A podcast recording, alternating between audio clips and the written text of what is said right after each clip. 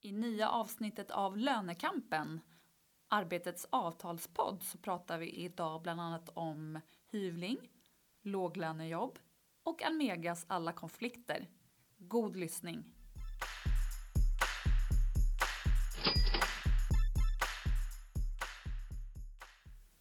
Välkomna till Arbetets avtalspodd Lönekampen. Nu sitter vi här igen och det här är avsnitt två. Det är jag, Linda Flod, tillsammans med eh, Mårten Nilsson och Jenny Berggren, reportrar på Arbetet. Och eh, nu har det gått ett tag sedan vi sågs. Vi sågs strax före jul. Eh, vad har hänt sedan sist? Ja, då vi såg sist hade parterna precis utvecklat, utväxlat krav, det var på industrins område. Eh, nu har de faktiskt börjat förhandla. 9 januari körde IF Metall igång och började träffa teknikföretagen. I det här tidiga skedet så handlar det mest om att gå igenom varandras krav, alltså man lyssnar på motparten och försöker förstå vad de menar och argumenterar för sina egna krav. Jag talade med Veli-Pekka Seikele på IF Metall som sa att eh, det är alltid nej första gången man presenterar sina krav men man kan säga nej på så många olika sätt. Man försöker lyssna av och se om det kanske ändå fanns en öppning och diskutera en viss fråga. Så IF Metall började 9 januari och dagarna därefter så kom de andra facken, GS, och, alltså GS-facket och LIFS igång om vi talar om LO-förbunden och så mm. naturligtvis Unionen och Sveriges Ingenjörer. Men hur tyckte han att det var då första gången, Veli-Pekka? Du sa att man kan säga nej på olika sätt. Vad... Jag har inte fått några signaler nej. om hur det har inletts. Det är, de säger väldigt lite i det här skedet och vi ska komma ihåg att det är bara så kallade kansliöverläggningar. Det är alltså folk från förbunden, tjänstemän, som träffas Eh, tjänstemän och förtroendevalda men delegationerna som sen ska eh, så att säga, godkänna och eh, avgöra om, om, om man kan sluta avtal. De kallas in första gången i slutet av januari för IF Metalls del. Det, antingen fysiskt till Stockholm eller att de pratar på någon videokonferens. Så det, det är ett tidigt skede ännu. Mm. Jenny, är det något annat du tycker vi borde nämna här som har hänt sedan jul? Nej, det, det är det väl inte. Och sen fort kommer ju de andra LO-förbunden kommer ju liksom efter nu och börjar komma igång mer och mer med att växla sina krav nu efter att industrin har kommit igång. Så till exempel ska Transport växla på sina största avtalsområden i morgon och även eh, Byggnads med Sveriges Byggindustri här under januari. Okej. Okay. Ehm, och eh, vilka frågor, vi pratade lite om det innan jul där, men vilka frågor kommer det vara mest fokus på nu då? Vilka som kommer vara liksom mest fokus på är kanske svårt att säga, men en fråga som har seglat upp liksom, eh, den senaste månaden och, och tagit eh, plats i, i avtalsrörelsen där vi kan se också nu när vi har pratat runt med förbunden att det är en rad förbund som lyfter den som något som kommer bli viktigt och driver det i frågan om hyvling som har aktualiserats av en dom som kom i Arbetsdomstolen i höstas. Eh, och hyvling innebär alltså att man när man har arbetsbrist och behöver skära ner på hur många timmar som, som jobbas eh, inom ens verksamhet så istället för att säga upp någon person som är då den senast anställda eh, så eh, väljer man att ta bort, eh, skära ner tjänstgöringsgraden för många personer, minska antalet arbetade timmar per vecka. Ehm, och då har det varit delade meningar om ifall det då kan räknas som omplaceringar som arbetsgivaren har kontroll över inom sin rätt att leda arbetet eller om det då ska betraktas som att de här personerna sägs upp och sedan återanställs med ny tjänstgöringsgrad. Och i så fall, om det skulle varit fråga om uppsägningar, då måste det göras enligt turordning. Så att eh, de som först får, får sägas upp är de som är senast mm. anställda mm. och de ska också då få uppsägningstid för dem, alltså få uppsägningslön de första månaderna de var nere i tid. Mm. Men där kom eh, Arbetsdomstolen i, i ett mål som gällde Coop i Örebro fram till att det var inte uppsägningar utan det här, eh, möjligheten att göra på det sättet som de hade gjort där rymdes inom eh, arbetsgivarens möjlighet att omplacera. Just det. Och vad hände där då på Coop? För de anställda fick gå ner rejält där. De fick gå ner ganska mycket. Jag kommer ja. inte ihåg vad det var för, för mått men, men det gjorde en stor eh, skillnad mm. för de individerna. Så att säga. En del hade jobbat, det var någon som hade jobbat där över 40 år. Ehm, och sen så fick de då besked om att de skulle få jobba färre timmar i veckan än de hade gjort tidigare. Och det som hände var att de, de skrev på nya anställningsavtal eh, med den här nya tjänstgöringsgraden som de fick beskedet att de annars skulle förlora sina Mm. anställningar helt. Eh, Så då kände de sig, jag, jag var på, på den här rättegången i Arbetsdomstolen, det var någon anställd som sa att eh, om varför hon valde att sätta sitt namn på det här pappret, att jag var ju tvingad, annars hade jag inte haft mitt jobb kvar. Men att det var absolut ingenting som hon ville och de andra lämnade liknande vittnesmål. Sen skrev de efter fackets inrådan på under protest. Eh, och hoppades att det skulle vara att man pekade på det då i tvisten som att det här var ingenting man ville men det räckte liksom inte utan det räknades som att de hade gått med på ett omplaceringserbjudande. Mm. Ehm, och därmed kunde det inte räknas som uppsägningar. Och det här är någonting som alltså man är väldigt bekymrad Ja. över eh, fackligt då att man tycker att man, det, det ger för eh, stor makt att omreglera för arbetsgivaren. Eh, och eh, efter det har också det fanns ett par hyvlingsmål till som var på väg upp i rätten som gällde kommunal. Där, där eh, LO-TCO Rättsskydd har valt att dra tillbaka dem efter den här domen för de såg att det gick inte att driva vidare. Mhm. Först tänkte man att man kanske kunde driva dem för att de här personerna möjligen då tydligare hade tackat nej till en omplacering men man kom fram till att det inte skulle gå. Ehm, Så om man inte kommer överens om eller får in det här på något sätt i avtalsrörelsen då kan arbetsgivare, det står fritt fram då? I och med den här domen eller hur, hur ska vi kunna tolka det? Åtminstone friare än vad Ja. facket skulle önska. Sen Mm. exakt var gränsen går. Sen är det ju en fråga då som du har tittat mer på Mårten om man eh, om, alltså det här kommer ju lyftas i avtalsrörelsen men det är också så att Handels har kontaktat politiker och liksom att man börjar diskutera om det är något som ska regleras lagstiftningsvägen. Då har ju du Ja. pratat med dem som Ja, eh, i takt med att det går upp för facken vad den här domen i Arbetsdomstolen 30 november faktiskt betyder, Mm. att det är fritt fram och omplacera människor till deras gamla arbetsuppgifter men med en lägre eh, tjänstgöringsgrad, så eh, förstår man att vi måste göra någonting. Mm. Eh, Handels är ju mest aktiva eftersom det var de som förlorade i Arbetsdomstolen. De har talat med eh, Raimo Pärssinen bland andra på, som är ordförande i riksdagens arbetsmarknadsutskott eh, som eh, kommer att dra igång ett arbete för att eh, förbereda förändringar i lagen om anställningsskydd så att det inte, blir, inte ska vara möjligt att på det här sättet omplacera till de tidigare arbetsuppgifterna. Det är väl i ett tidigt skede, Raimo sa ungefär att vi börjar med ett kunskapsseminarium så att fler riksdagsledamöter ska förstå den här frågan. Jag ringde också Ylva Johansson, arbetsmarknadsministern, som sa att hon är bekymrad av den här domen i Arbetsdomstolen. Mm. Eh, Hon tror att den kan göra att arbetsmarknaden fungerar sämre. Om man kan bara ta bort timmar ifrån eh, de an- anställda så eh, kommer, det, kommer den som har gått ner från, låt oss säga, tvingats gå ner från 100 till 80 procent eller 100 till 75 procent, det var väl ungefär det det var, handlade om i Coop-fallet. De hittar inga andra jobb.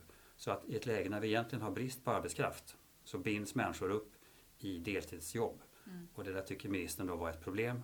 Men hon vet inte vad man ska göra än så länge. Hon vill först informera sig. Hon, hon kommer att träffa Handels och arbetsgivarna, det vill säga Svensk Handel och KFO och prata om det här och fråga kan ni göra någonting avtalsvägen? Okej. Mm. Ja, för visst var det också så att när Raimo Pärssinen som också är socialdemokrat sa visserligen att han skulle, man skulle börja titta på den politiska vägen men att han helst skulle se att det skedde avtalsvägen. Just det. Eh, Ja, för jag tänker det kan ju finnas en, en majoritet mot att förändra lagstiftningen också Mm. i riksdagen. Så att, Det är Ja. Socialdemokraterna väldigt medvetna om. mm. De vet att de borgerliga partierna vill inte och Sverigedemokraterna kan de inte heller lita på. Nej. Så att det finns ingen majoritet. Så att helst avtalsvägen och då är det ju flera förbund, fler än vi visste tidigare, som kommer att ställa krav i avtalsrörelsen om att få in hinder mot hyvling i sina kollektivavtal. Mm. Det är förutom Handels då eh, hotell och restaurangfacket, Seko, vilket var en nyhet för mig, fastighets, kommunal och transport tror jag. Jag räknade till sex förbund, fick jag med alla nu? Jag tror det. Okej. Eh, En, en intressant detalj i det här är faktiskt att Fastighets redan våren 2016 försökte få hinder mot hyvling i sina kollektivavtal på städsidan. Men det ledde inte, ledde inte till så mycket. Det blev en arbets, arbetsgrupp tillsammans med Almega. Men den gruppen har mest väntat på vad Arbetsdomstolen skulle säga. Mm. Så, men, så det har pågått, hyvling har pågått då? Problemet har- Inom flera branscher men det är inte förrän i- egentligen nu det här fallet då som det har uppmärksammats. Så, mm, eller hur? Det har ju, jag tror att transport har varit på avtalsvägen också. Vi ska inte säga för mycket men jag tror det Okej. tidigare. Sen Mm. eh, så togs det ett beslut på LO-kongressen i somras faktiskt om att man skulle påverka lag, och då gällde det lagstiftning att man ville, ha- skulle driva på för en ändring i LAS. Så, Okej. så frågan har ju funnits. Så att, Mm. Ja. Ehm, vad pratar vi om mer då? Det var hyvlingen och sen har vi eh, låglönejobb också. Enkla jobb som en fråga. Det kan man väl också säga är en fråga som står och, och väger mellan, alltså där det pratas både lagstiftning och, Ja. och avtal. Det handlar väl i grund och botten om då, då den situationen är, där, den situation som är där det är många eh, nyanlända människor i Sverige Mm. och bara ganska många med, med eh, lägre utbildning då, hur de ska komma in på arbetsmarknaden. Mm. Ehm, men även eh, personer här i Sverige med, med, som har svårt att komma in på Mm. arbetsmarknaden och där man diskuterar ehm, om man skulle skapa någon sorts särskilda anställningar för att eh, sänka tröskeln som man brukar säga in på, på Mm. arbetsmarknaden. Då. Och där eh, var, var det lite dramatik i december kan man säga för då, då hade ju LO och Svenskt Näringsliv centralt inledde samtal om hur någon sorts sån här eh, åtgärd skulle kunna eh, se ut. Men när, när Carola Lemne då från Svenskt Näringsliv gick, gick ut i Dagens Nyheter 16 december var det väl då, uttalade sig om hur hon önskade att det skulle se ut med bland annat runt 75 procent av lägsta lönen och eh, att det skulle vara eh, borttagna arbetsgivaravgifter och så. Mm. Och eh, då gick LO sin sida ut och vände sig mot hennes eh, modell och sen blev det väldigt infekterat. Det slutade med att LO började publicera mejl som hade skickats mellan LO och Svenskt Näringsliv. Efter att Svenskt Näringsliv hade, eller till med, så gick Svenskt Näringsliv ut så att det inte gick att ha några fortsatta samtal, att LO inte ville. Och LO att det är inte vi, det är, det är de som inte vill och här är våra mejl som visar att vi vill och så. Men i vart fall så stannade det väl av där och då finns det, då har Svenskt Näringsliv pratat om att lagstiftning skulle vara en annan eh, väg och även vissa eh, politiker medan också i avtalsrörelsen förra året så kom det från flera håll eh, från arbetsgivarhåll liksom önskemål om att man skulle skapa olika typer av sådana här Mm. eh, speciella anställningsformer med lägre löner. Eh, och eh, ja, vi får se hur mycket sånt som kommer i år men det, vore, det, det, det lär ju vara en fråga som vi på olika sätt kommer få se mer av. Så. Men så facken är något, alltså de, de är inte helt emot idén om att det måste göras någonting för att få in fler på arbetsmarknaden. Någon typ av former, men man är inte villig med, alltså är det just lönen som är problemet eller är det hur, vad ser facken egentligen som det största problemet där till de här enkla jobben? Det handlar ju om, om flera saker men det handlar ju Mm. om eh, lön, lönerna då, att man inte skapar liksom låglönegrupper eh, grupper som står, och, och framförallt att det ska regleras i kollektivavtal eh, Mm. och att eh, Ja, att det ska kombineras med, för fackligt brukar man säga att man vill att det kombineras med utbildning och så, att det liksom leder vidare till något annat. Det här är en tillfällig eh, lösning. Så det handlar ju om konstruktionen, liksom hur det ska se ut och hur mycket av den, hur mycket man i och med en sån lösning ställer folk liksom utanför den normala regleringen av arbetsmarknaden med kollektivavtal och lönenivåer och försäkringar och, och så. Hur mycket man kan på något sätt skapa en väg till jobb Mm. utan, att, ta- utan att ta bort det som normalt sett gäller helt och hållet eller Mm. för mycket. På tal om kollektivavtal då så träffade ju du Mårten eh, Anna-Karin Hatt, VD för Almega i fredags. Eh, och ni pratade lite om avtalsrörelsen. Eller? Ja, både den som kommer och den som gick. Ja. Almega var inblandat i summan, summa 12 av de 23 konflikter som vi hade på arbetsmarknaden 2016. Och det är ganska mycket. Mm. Och facken beskriver gärna Almega som svarta fåret som inte vill gå med på någonting och alltid är eh, politiska och vrånga och svåra att, att komma överens med. Ehm, Vad tycker hon om den bilden då? Så för att- Hon eh, säger förstås att det är fel att de skulle lägga lägre bud än alla andra arbetsgivare. Men hon säger också så här att eh, ja, den som slåss för förändrade, mera moderna kollektivavtal, den får väl löpa en större risk att, eh, eh, större risk att få konfliktvarsel mot sig. Mm. Så hon säger inte helt nej till att de skulle vara ganska så konfliktbenägna om man säger så. Vad innebär de här moderna kollektivavtalen som de Modernt är för? I, ja, modernt i Almegas mening det Mm. är väl framförallt att så lite som möjligt, hel- nästan ingenting, ska bestämmas i det centrala avtalet för hela branschen. Utan löner men även arbetstid, pension och annat ska göras upp i dialog mellan den anställde och hans eller hennes chef. Det är idealet. Almega var ju först med att sluta så kallade sifferlösa avtal. 1992 slöt de ett sifferlöst avtal med ledarna och det har fått efterföljare sedan. Så de känner sig lite som eh, förtruppen Okej, för mer flexibla eh, pionjärer avtal. på arbetsmarknaden. Ehm, var det något annat då som, som hon nämnde som, som man har... Ja, nyhetsmässigt gav kanske inte samtalet så mycket. Det handlade mer om att eh, låta Almega förklara sina ståndpunkter. Men Mm. hon sa faktiskt, när jag frågade om konflikten mellan Almega Vårdföretagarna och Kommunal i ass- assistansföretagen i september förra året, Mm. där ju Kommunal anser att de fick ett bud långt under vad alla andra grupper på arbetsmarknaden hade fått. Hon sa att ja, det där beror på att regeringen inte höjer assistansersättningen, den statliga ersättningen till assistansföretag. Och vi kommer nog tyvärr få samma problem en gång till. Mm. Eftersom man, regeringen inte tänker höja assistansersättningen särskilt mycket så kommer Almega vidhålla att eh, vi har inte pengar för att ge er de löneökningar som andra, andra grupper på arbetsmarknaden får. Så kan man tolka Anna-Karin Hatt. Okej. Ja. En liten varning för ett Ja. område där det blir svårt Mm. även 2017. Ni har ju pratat runt nu också, då inte bara med henne utan med andra människor som är inblandade och kommer jobba intensivt eh, kommande månader med avtalsrörelsen. Hur, hur är stämningen eller hur verkar de människorna?